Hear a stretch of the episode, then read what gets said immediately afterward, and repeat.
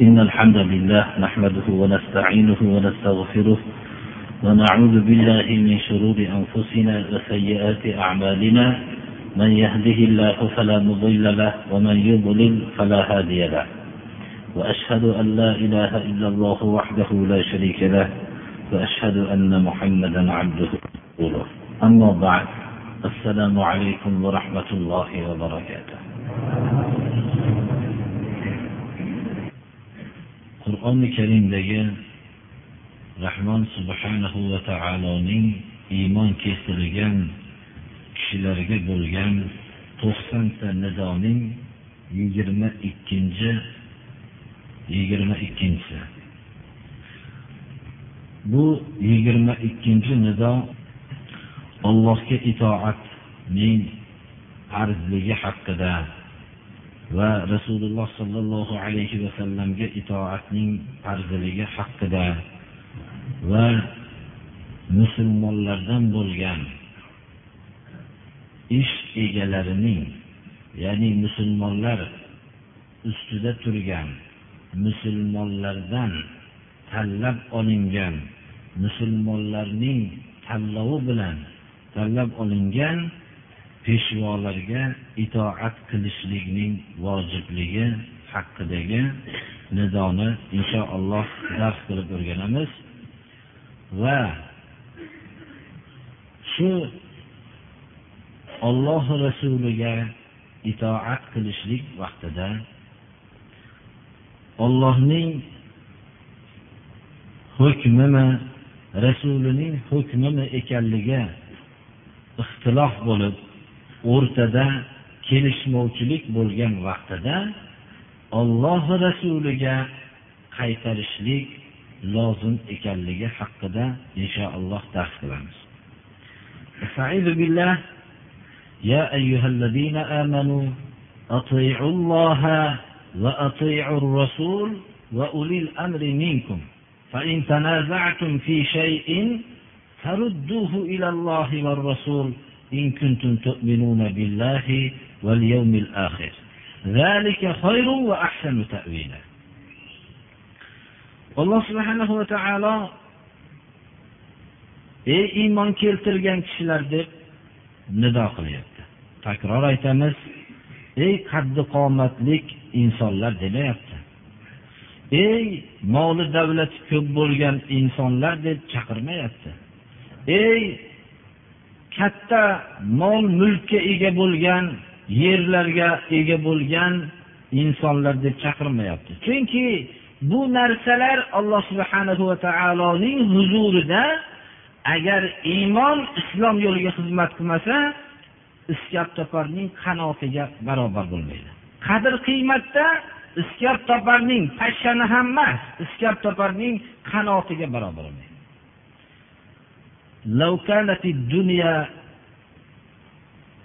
تزن عند الله جناح بعوضة ما سقى منها الكافر جرعة ماء agar dunyoning qadr qiymati alloh subhanahu va taoloning huzurida iskab toparning qanoticha qadr bo'lganda kofirga bir qultum suv bermagan bo'lardi o'zini inkor qilgan Allohning yo'lini inkor qilgan kofirga bir qultum suv bermasdi.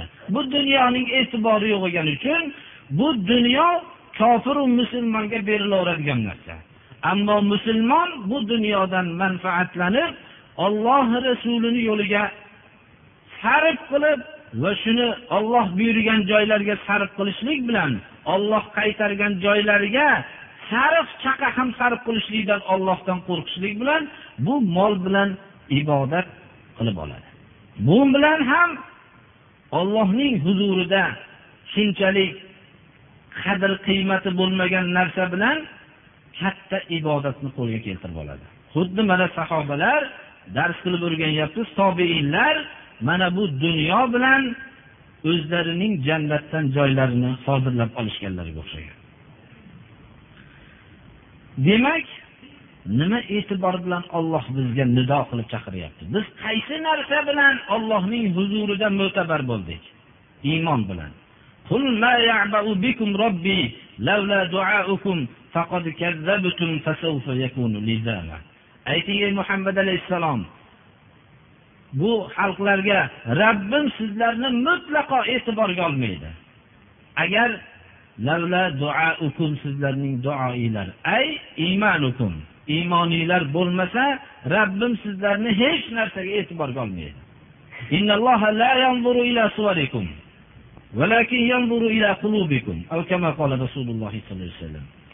Alloh subhanahu va taolo sizlarning qaddi qomatinglarga qaramaydi qalbinglarga qaraydi. Alloh subhanahu va taolo munofiqlarni sifatini kelganda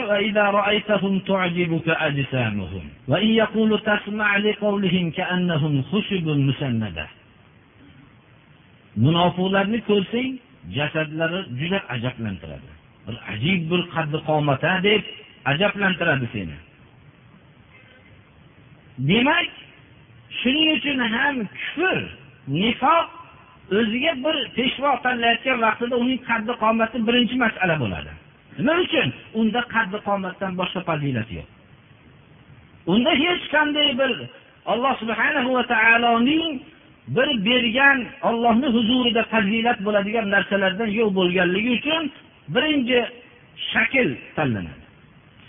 Alloh subhanahu va taolo mana bu joyda bizlarga nido qilayotganligiga sabab biz ollohning tarafidan chaqirilishlikka loyiq bo'lgan sifatimiz iymon ekan. Ey iymon keltirgan kishilar deyapti alloh taolo. Demak bu nidoga faqat iymon keltirgan kishilargina quloq soladi.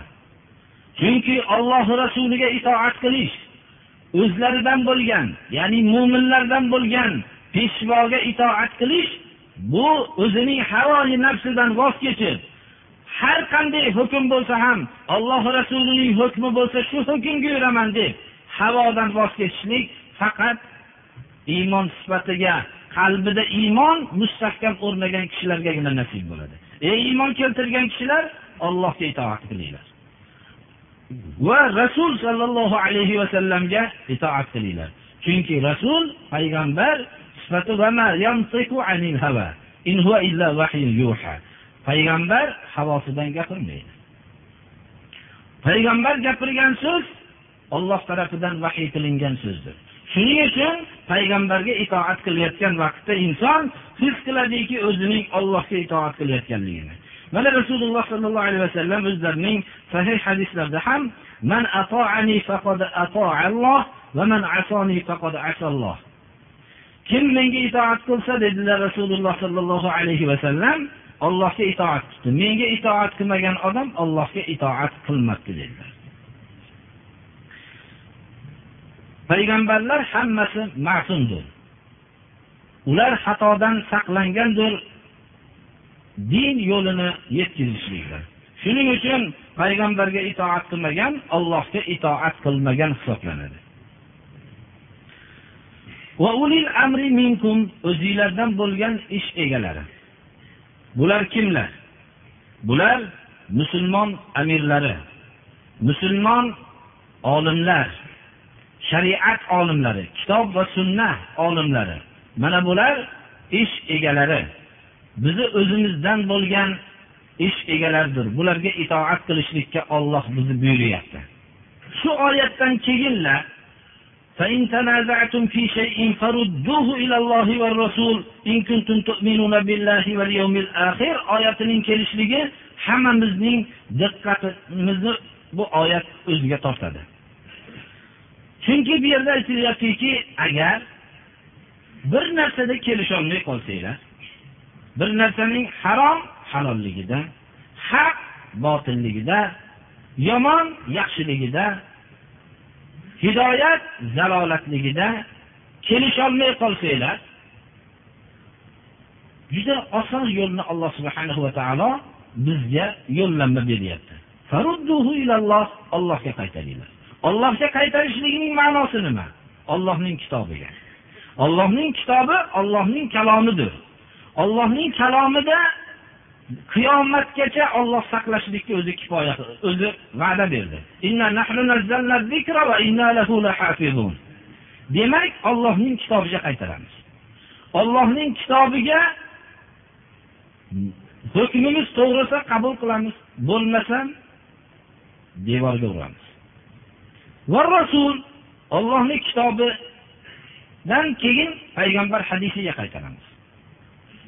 Payg'ambarga qaytarishlikning ma'nosi payg'ambar sunnatiga qaytaramiz. Sunnat so'zlari qilgan amallari va huzurlarda qilingan vaqtda taqrir qilib buni rad qilmaganlari. Takror aytamiz har qanday inson hayotida bir amal huzurida qilinsa yo uning martabasini yo moli davlatini yo qarindoshligini yo undan zolimligidan qo'rqib shuni rad qilmay qolgan misollar har bir kishining tarixida topiladi. Ammo payg'ambar tarixida biror bir huzurida shariatga ollohning yuborgan shariatiga zid ish bo'ladigan bo'lsa yer kurrasidagi hamma odam qarshi bo'lsa ham payg'ambar yakka qolgan holatda ham shuni rad qiladi. Shuning uchun payg'ambar huzurida qilingan vaqtda bir amal uni rad qilmagan bo'lsa payg'ambar tarafidan albatta bu narsa taqririy sunnat bo'lib qoladi. Ya'ni bu narsa ruxsat bo'ladi. Misol qilib olganimizda holid ibn valid roziyallohu anhu payg'ambarimiz sollallohu alayhi vasallam huzurlarida bob degan hayvonning kichkinaroq echkamardan kichikroq bo'lgan hayvonni ba'zi bir turk qadimiy tillarda botminchoq deyiladi deyiladi. Shu hayvonni go'shtini yedilar. Banu samim qabilasi yerdi shunda payg'ambarimiz sollallohu alayhi vasallamni yeyishlikka taklif qilinganlarda men odatlanmaganman dedi demak uni man qilmadilar undan tashqari biz payg'ambar sollallohu alayhi vasallam aytdilarki qur'on menga berildi va qur'oncha ilm berildi وأنزلنا إليك الذكر لتبين للناس ما نزل إليهم ولعلهم يتفكرون biz sizga zikr ya'ni qur'onni tushirdik. Odamlarga tushirilgan qur'onni bayon qilib berishligingiz uchun. Demak payg'ambarimiz sollallohu alayhi vasallamga alloh subhanahu va taolo bayon ne'matini berdi. Hozirgi vaqtda ba'zi adashgan bir toifalar borki mutlaqo ilmdan bebahra ular. Payg'ambarimiz sollallohu alayhi vasallamning hadislarini e'tiborga olmaydi. E'tiborga olmaydiganlar hadislarda ko'p g'alatlar bo'lib qolgan deb e'tiborga olmaydi. Bular ham adashgan. Payg'ambarimiz sollallohu alayhi vasallamni hadisi yo'q deb turib e'tiborga olmaydiganlar bor. Bular ham shu yu'ni qo'shganlar ham xatodadir. Chunki rasul sollallohu alayhi vasallamdan sahih rivoyat bilan sobit bo'lgan hadis jumhur ulamo buni qabul qiladi. Biz buni ahli sunna va jamoa e'tiqodotda bo'lgan kishilar albatta bu hadis sahih bo'lganda qabul qilinadi. To'ro imomlar ham hammalari hadis sahih bo'lsa meni yo'lim shu deyishganlar. Menidan bir so'zni eshitsanglar rasululloh sollallohu alayhi vasallamdan sahih hadis buning aksini olib kelgan bo'lsa meni so'zimni devorga uringlar hadisni qabul qilinglar deb hammalari o'zlaridan soqit qilib olganlar. Demak rasul sollallohu alayhi vasallamga biz qaytarishligimiz u kishining hadislariga qaytarishligimiz. U kishida bayon qilishlik bu fazilati bor ollohning shahodati bilan. Bu yerda kelishmay qolgan vaqtinglarda ish egalariga qaytaringlar deyilmayapti. Ammo itoat ollohga rasuliga va o'zinglardan bo'lgan peshvolarga itoat qilinglar. Ya'ni mo'minlardan bo'lgan peshvolarga. Ammo kelishmay qolgan vaqtinglarda ollohi rasuliga qaytaringlar deydi. Ollohi rasuliga qaytarishlikning kim qaytaradi? Mana ulamolar ulamolar kitob va sunnatning bilgan ulamolar. Hamma olimlar emas. Qur'on va hadis ilmiga mohir bo'lgan olimlar mana bu ollohning hukmi rasulining hukmi deb rivoyatlari bilan har bir hukmni isbot qilishgan bo'lsalar alloh rasulining hukmini olib kelgan bo'lish sharti bilan biz mana bu so'zni avomunnos buni qabul qiladi. Chunki ular qur'onni bilishmaydi va rasul sollallohu alayhi vasallamni hadislarni bilishmaydi. Shu bilan birga biz itoatning yana bir qaydini eslatib o'tmoqligimiz kerak. Olloh rasuliga itoat qilish o'zi mutlaqdir. Shuning uchun atiulloh atiu buyrug'i olloh kalimasini oldida kelyapti. Rasul avvalda ham va rasul takror bo'lyapti. Chunki mutlaq. Rasul sollallohu alayhi vasallam ma'sumdir xatodan. Saqlangandirlar shuning ammo ulul amr atf qilinyapti rasul sollallohu alayhi vasallamga atf qilinyapti avvalida atiu kalimasi kelmayapti. Nima uchun? Ulul amrga bo'lgan itoat asliy emas. Balki kitob va sunnatga muvofiq ma'ruf ishga buyurgan vaqtdagina itoat qilinadi. Birinchi mo'minlardan bo'lish sharti bilan va ikkinchi bo'lsa ma'rufga buyurishligi bilan. Shariatga muvofiq bo'lgan vaqtdagina itoat qilinadi. Demak peshvo mo'minlardan bo'lgan peshvoga itoat qilish alloh rasuliga itoat qilish bo'lib qoladi. Shuning uchun ham u peshvoga mo'minlardan bo'lgan peshvoga itoat qilishlik asli bo'lmagani uchun avvalda kalimasi kelmayapti. Biz bunga diqqat bermoqligimiz kerak. Hatto alloh subhanahu va taolo ayollarning rasul sollallohu alayhi vasallamga bayat qilishligi haqidagi hukmni bayon qilganda surai muntahidada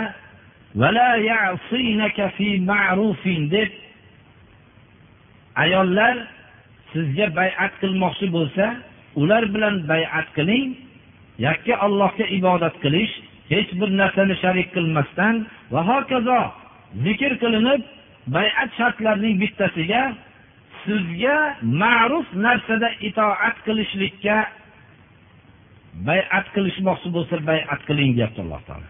Rasul sollallohu alayhi vasallam doim ma'ruf narsaga buyuriydilar u kishi buyurgan narsa albatta ma'ruf shariatga muvofiq bo'ladiyu. Mana bu narsani ma'ruf narsada sizga itoat qilishlikka bayat berishmoqchi bo'lsa bayat qiling degan so'z bu biz ulamolarga nihoyatda bir ibratli so'zki mana bu joyda ulamolar agar ma'ruf narsaga shariatga muvofiq narsaga buyurishmasa itoat mutlaqo yo'q degan ma'no. Shuning uchun ham biz ma'ruf narsaga buyurilgan vaqtdagina mo'minlardan bo'lgan peshvo itoat qilamiz.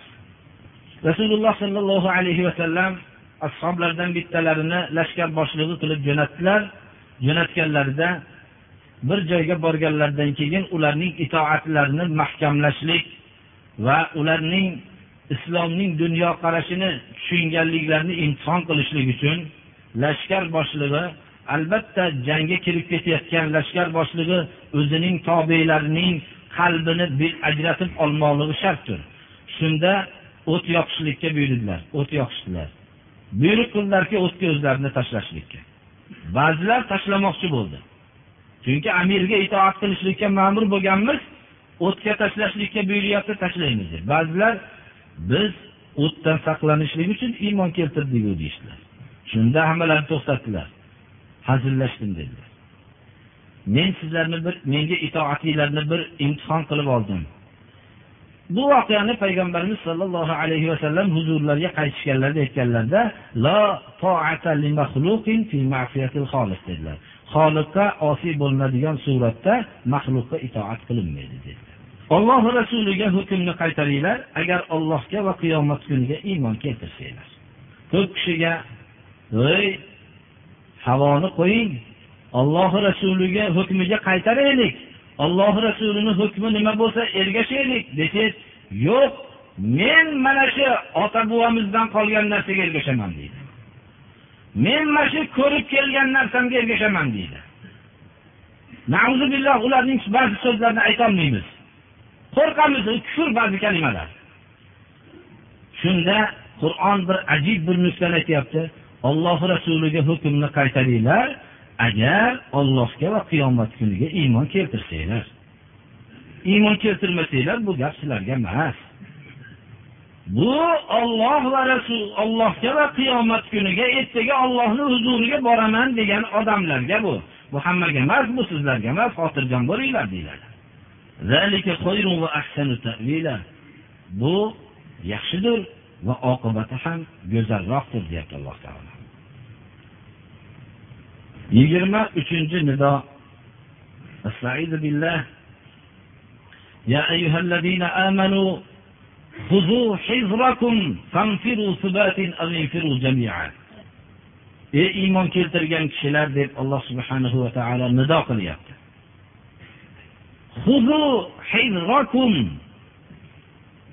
mo'minlarni nihoyatda ehtiyot va hushyorlikni o'zlariga lozim tutishlikni ularning dushmanlari son sanoqsiz ekanligini ularning dushmanlari yahud kofirlar nasoro va hamda munofiq ularning oralariga kirib olgan son sanoqsiz makrlik nihoyatda faqat aqlini makr hiylaga bo'lib ham faqat islomning makr hiylasiga ishlatgan dushmanlari ko'p ekanligini ogohlantiryapti.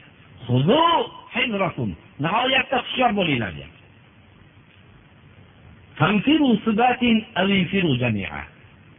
alloh subhanahu va taolo jihodni farz qilgan edi. Mana bu joyda mo'minlarning hammalari tayyormas edi ollohning hukmini qabul qilishlikka. Avval islomda subat subatun ozgina bir kichkina jamoani ya'ni sariya juda ham ozgina bir jamoani.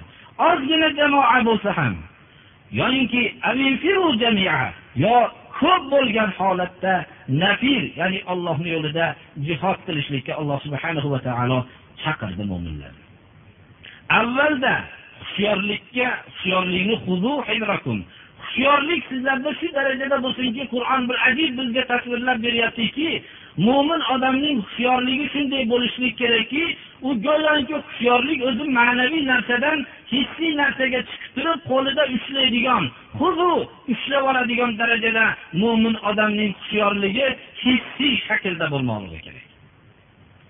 Huzu kalimasi bilan unga maful qilinishligi to'g'ri hushyor bo'lishlik ma'nosini istilohiy suratda bildiradi.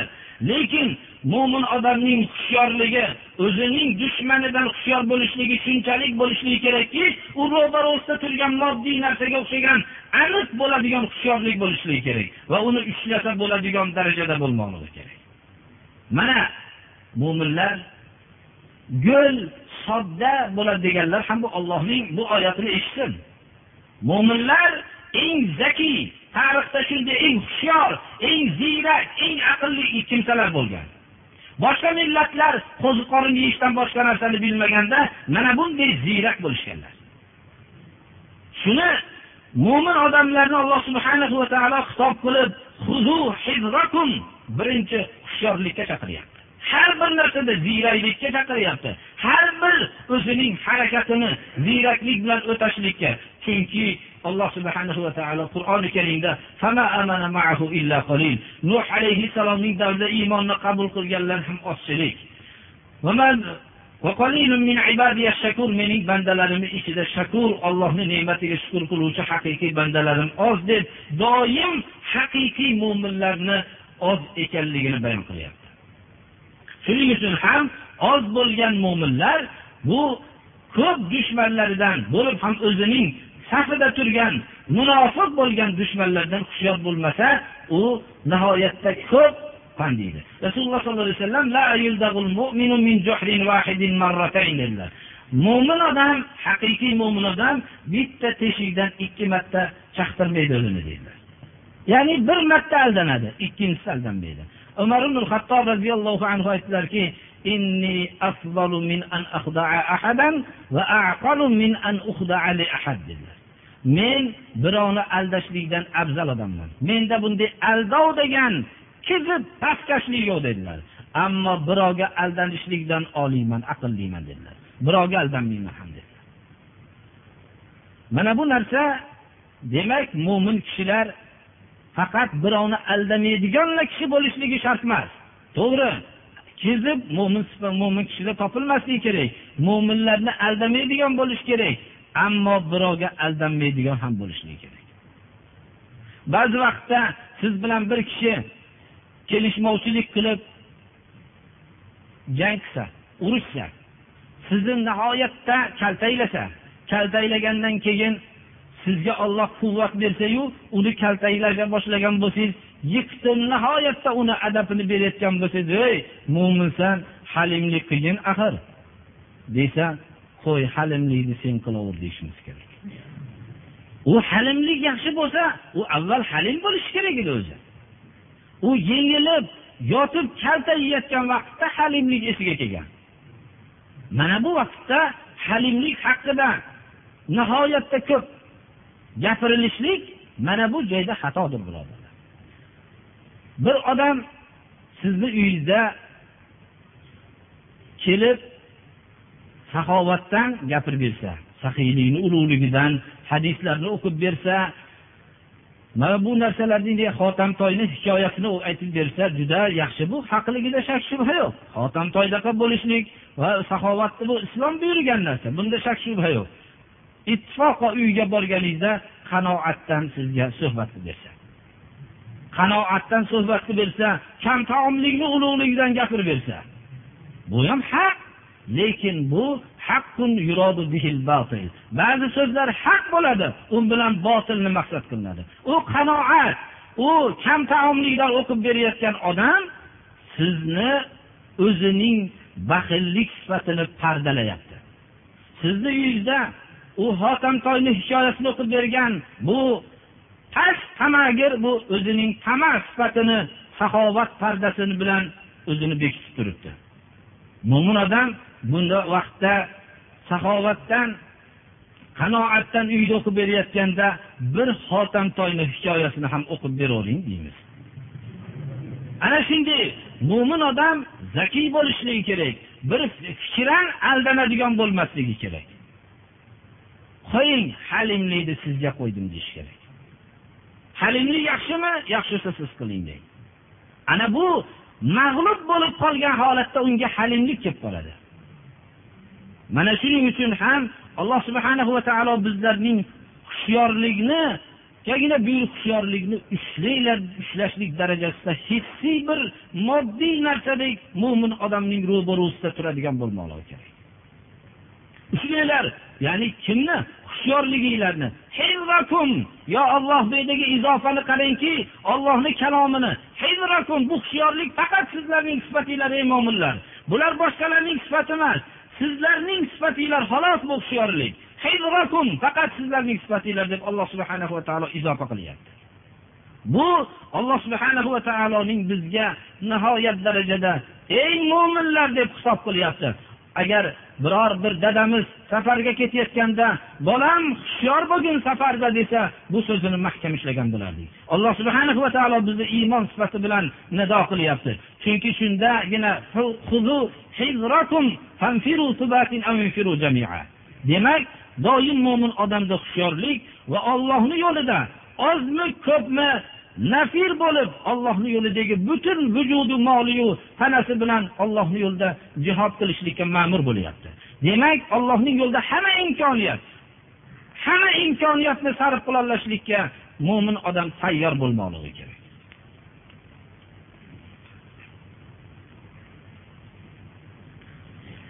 yigirma to'rtinchi nido يا أيها الذين آمنوا إذا ضربتم في سبيل الله فتبينوا ولا تقولوا لمن ألقى إليكم السلام لست مؤمنا تبتغون عرض الحياة الدنيا فعند الله مغانم كثيرة كذلك كنتم من قبل فمن الله عليكم فتبينوا إن الله كان بما تعملون خبيرا ey iymon keltirgan kishilar ollohni yo'lida safar qilsanglar borabtum ollohni yo'lida jihodda yursanglar ollohni yo'lida safar qilsanglar. O'zinglarning raqiblaringlarni yaxshi tekshiringlar.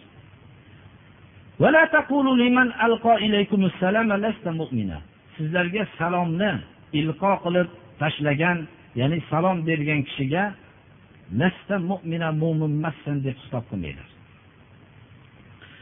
Bu alloh subhanahu va taoloning yo'lida safar qilgan kishi bir notanish joyga borgandan keyin ro'baruda turibdi bir kimsa uning dushmanmi do'stligini qanday bilib bo'ladi? Uning o'zini urfiy libosi hech bilib bo'lmaydi. Birinchi kalima mo'minlarning kalimasi assalomu alaykum salom beradi. Assalomu alaykum kalimasi birodarlar tarjimasini bermaydi. Bu assalom salom alloh subhanahu va taoloning ismidir. Demak assalomu alaykum kalimasi meni tarafimdan sizga salomatlik. Men mo'minman degan ma'noni bildirgan bo'lsa sizlar bunga lasta mu'mina mo'min emassan sen demaylar hayoti dunyoni matosini istaysizlarmi? فعند الله مغانم كثيرة كذلك كنتم من قبل فمن الله عليكم فتبينوا Allohning huzurida ko'p g'animatlar bor. Ya'ni sizlarni Allohning huzurida sizlarga ko'p g'animatlarni Alloh hozirlab qo'ygan. Yo'inki Alloh subhanahu va taolo sizlarga mashru' yo'llar bilan ko'p g'animatlarni hozirlab qo'ygan. Ilgari ham sizlar shunday edinglar. sizlar ham kalimai toyiba yoki assalom kalimasi kalimai toyiba kalimai shahodatdir.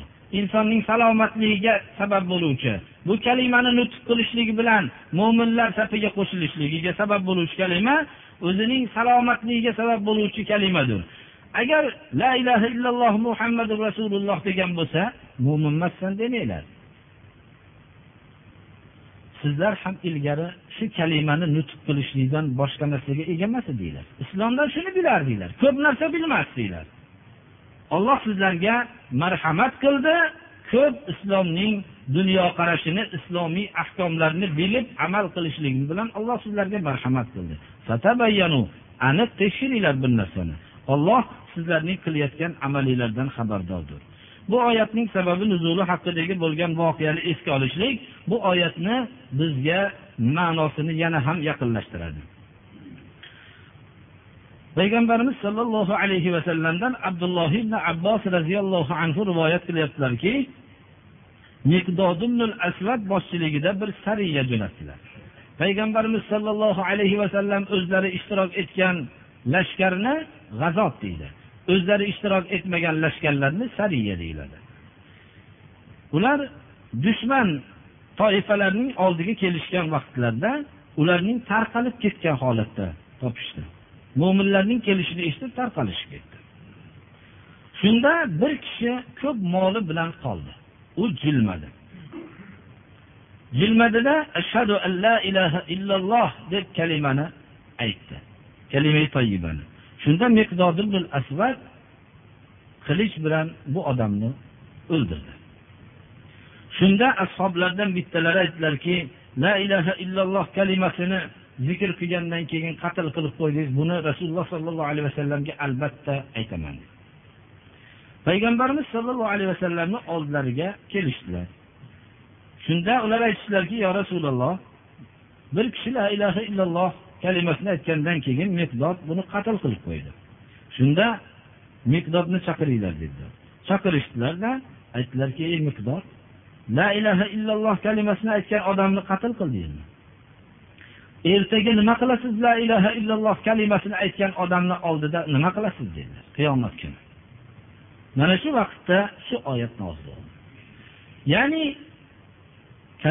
kuntum oyati sizlar ham shunday edinglar miqdod ibn asvad musulmon bo'lib makkada iymonlarini bekitib yashagan edilar.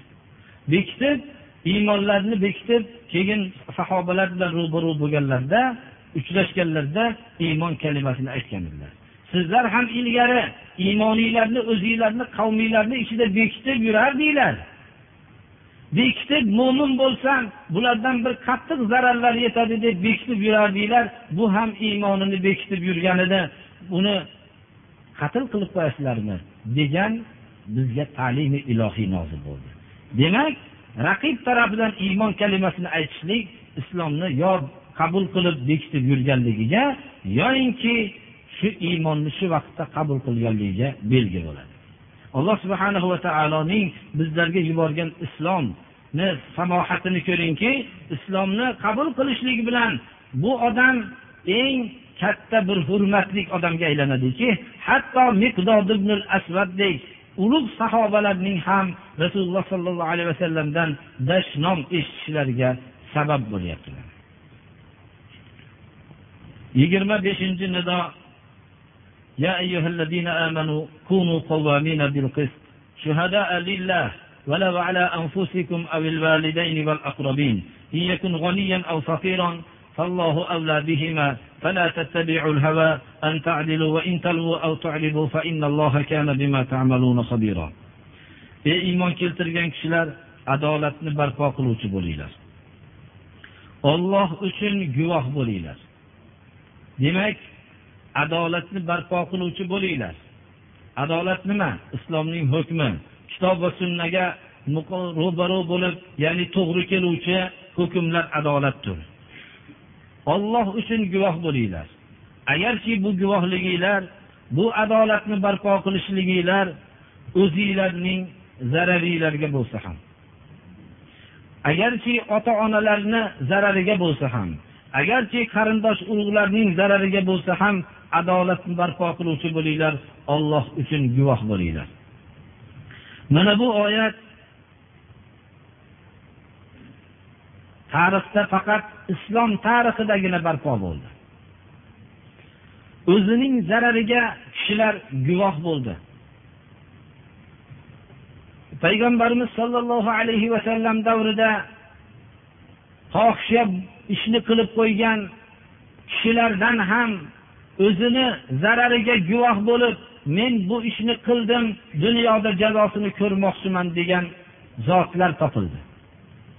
Ayollardan ham shu fohisha ishni qilib men shu ishni qildim ollohni huzurida pok turishlikni xohlayman dunyoda nima jazosi bo'lsa ko'ring deb payg'ambarimiz sollallohu alayhi vasallam ayolga aytdilarki hatto homilalik aniq aniqmas bo'lguncha qayt dedilar agar homila holatda jazoni berilsa islom toshbo'ron bilan turmush qilgan ayolning fohisha qilishligi bilan toshbo'ron bilan o'ldiriladi.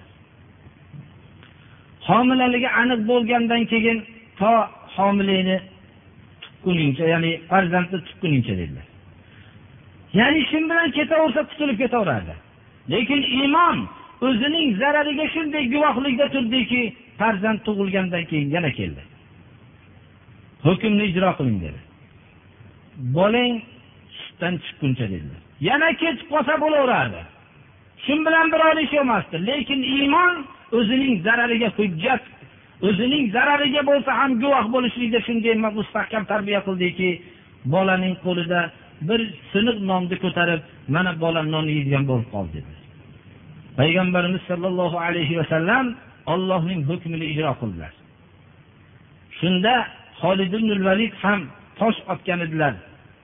Hamma tosh otishligi shart ollohning hukmini oldida hech qalbida mehr qolmasligi kerak. Chunki olloh buyurgan hukmni qilishlikdan bosh tortishlik misoli bo'lib qoladi. Shunda badaniga ozgina qon chachiradi shunda so'kingan kalimani aytib yubordilar. Shunda aytdilarki payg'ambarimiz sollallohu alayhi vasallam mahlan yo holid holid tilingni tiygin dedilar. Shunday tavbasi maqbul bo'ldiki mashriq bilan mag'ribga taqsim qilinsa yetadi dedilar. Islomdagi jinoyatlarni jazosini berishlik bilan inson poklanadi. Ammo boshqa hukmlarda unday emas. Boshqa hukmlarda biror sabab bilan mahbus bo'lib qolsa halol kasb bilan bo'lsa ham o'tgan davrlarda tijorat bilan mahbus bo'lib qolgan odamlar boshqa mamlakatlarning imoratini ko'rib kelishlikdan ham mahrum bo'lib yashagan. U poklangan emas u nopok deb e'tibor qilingan. Ammo islomda islomning hukmi joriy bo'layotgan vaqtda joriy bo'lishligi bilan gunohdan toza bo'ladi.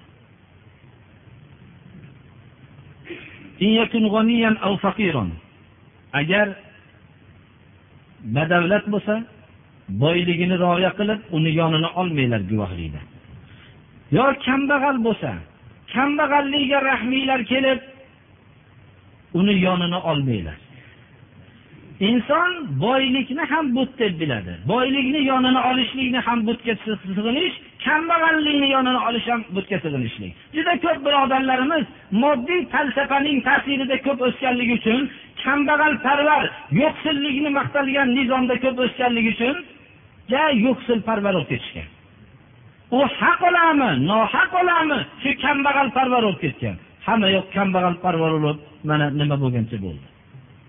Shuning uchun bizni islom boyparvar ham emas kambag'alparvar ham emas haq parvardir haq bo'lsa kambag'alni yonida bo'lsa kambag'alni yonida turadi. Haq boyni yonida bo'lsa boyni yonida turadi. Mana bu narsani bilaylik. Sizlar boy bo'lsa shuncha boylikni topgan mahoratli odamga zarar yetami deb sizlar boyparvar ham bo'lmanglar. Shu kambag'al bechora yetim shu zararlanadimi? Demanglar nohaq bo'lsa olsin zararini. Uni boyga ham kambag'alga ham olloh haqliroq olloh mehribonroqdir. Havoga ergashmanglar. Adolat qilishlikni o'rniga havoga ergashib ketmanglar. Agar burilsanglar havo tarafiga burilsanglar yoinki haqdan burilsanglar yo haqdan yuz o'girsanglar inson ikki tur bilan adashadi haqdan butunlay voz kechib yubormaydi haqni yonidan sekin jilib ketadi. Bir surati. Yoyinki yo haqdan butunlay yuz o'girib ketadi. Mana dahriylar. Ollohni kalomi hadisi muborakni tushuntirsangiz dahriylar butunlay yuz o'girib ketadi. Ammo mo'minman degan iymoni qalbida mustahkam bo'lmaganlar ollohni kalomiyu rasulini hadisi haqni gapirilganda ular sal burilib yonboshlab ketishadi. Alloh subhanahu va taolo burilsanglar yoinki yuz o'girsanglar olloh sizlar qilgan amallardan xabardordir. Olloh sizlarning nima qilib turganinglarni bilib turuvchidir.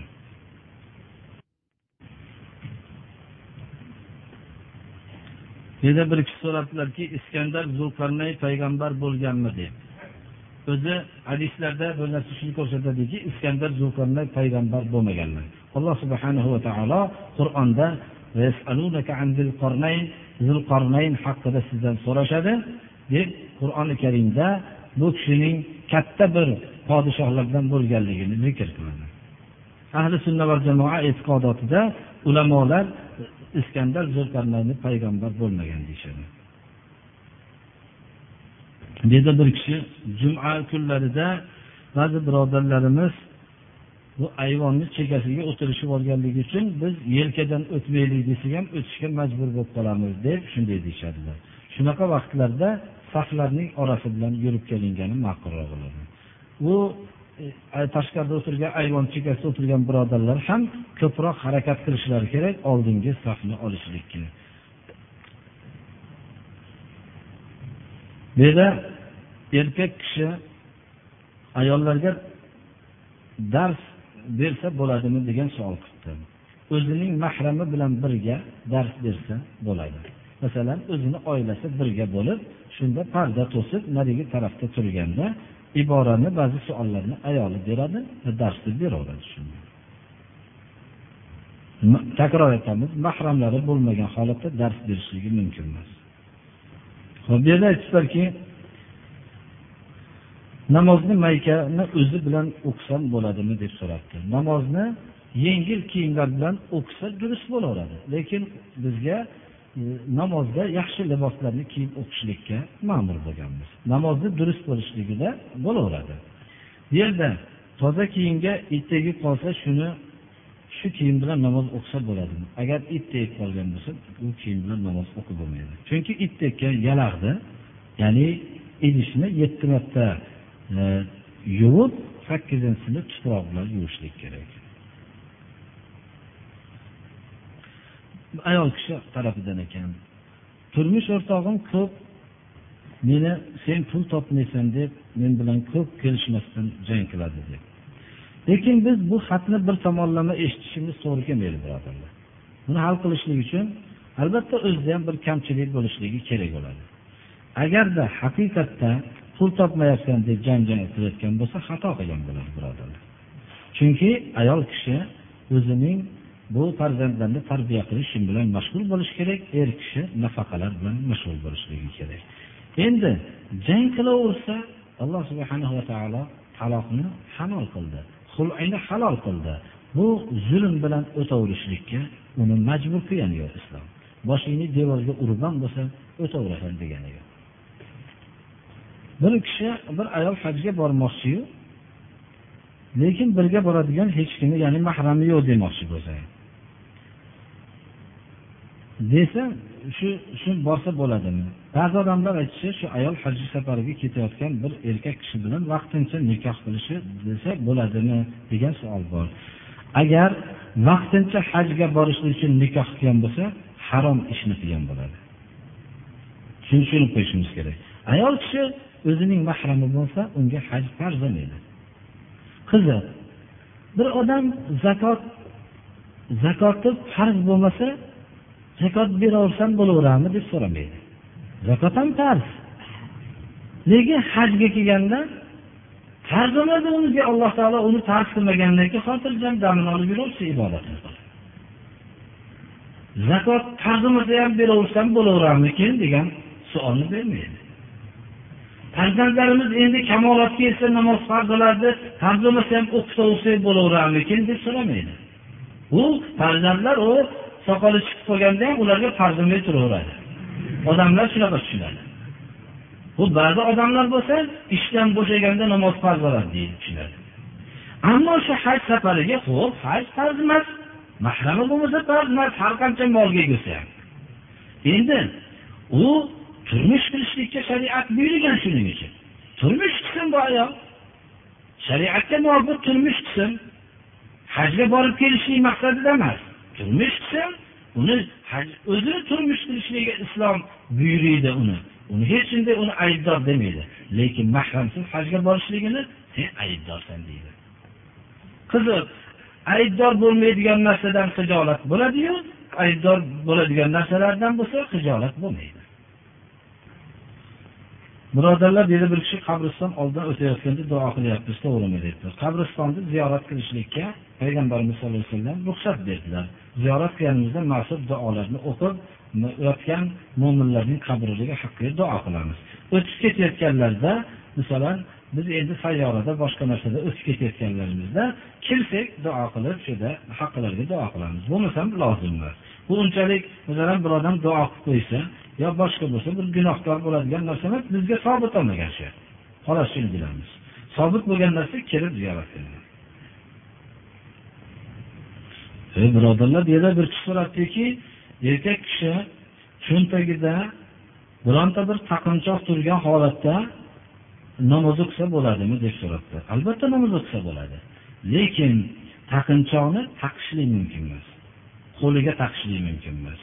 Masalan uzuk qilib qo'liga taqishlik mumkin emas. Qo'liga taqishlikdan man qilingan. Ba'zi nimalar haq qo'liga taqsa nima bo'ladi degan ba'zi bir boyatchalar bor birodarlar. Qo'liga taqsa nima bo'ladi? Ular qulog'iga ham bittadan olib taqlasin qulog'iga taqlasa nima bo'ladi?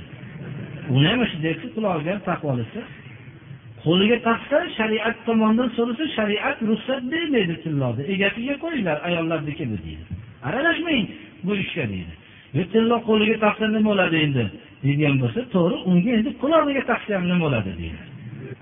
Shuning uchun tillo taqinchoqni erkak kishilarning qo'liga taqishlikda o'rgatayotgan islomning dushmanlari qulog'iga taqqanda xunuk bo'lib qolishligini hamma kulishini bilib qulog'iga o'rgatmay qo'liga o'rgatadi. Mana shuni bilib qo'yishimiz kerak.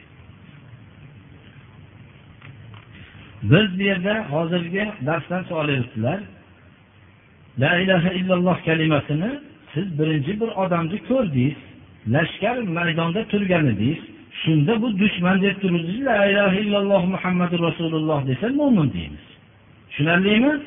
Bir shular degan odam endi atrofingizda yurgan bo'lsa la ilaha illalloh muhammadu rasululloh deb yurgan odam shirk amalini qilsa kufr kalimotlari og'zidan chiqsa islomni masxara qilsa yo sunnatni masxara qilsa kofir bo'ladi.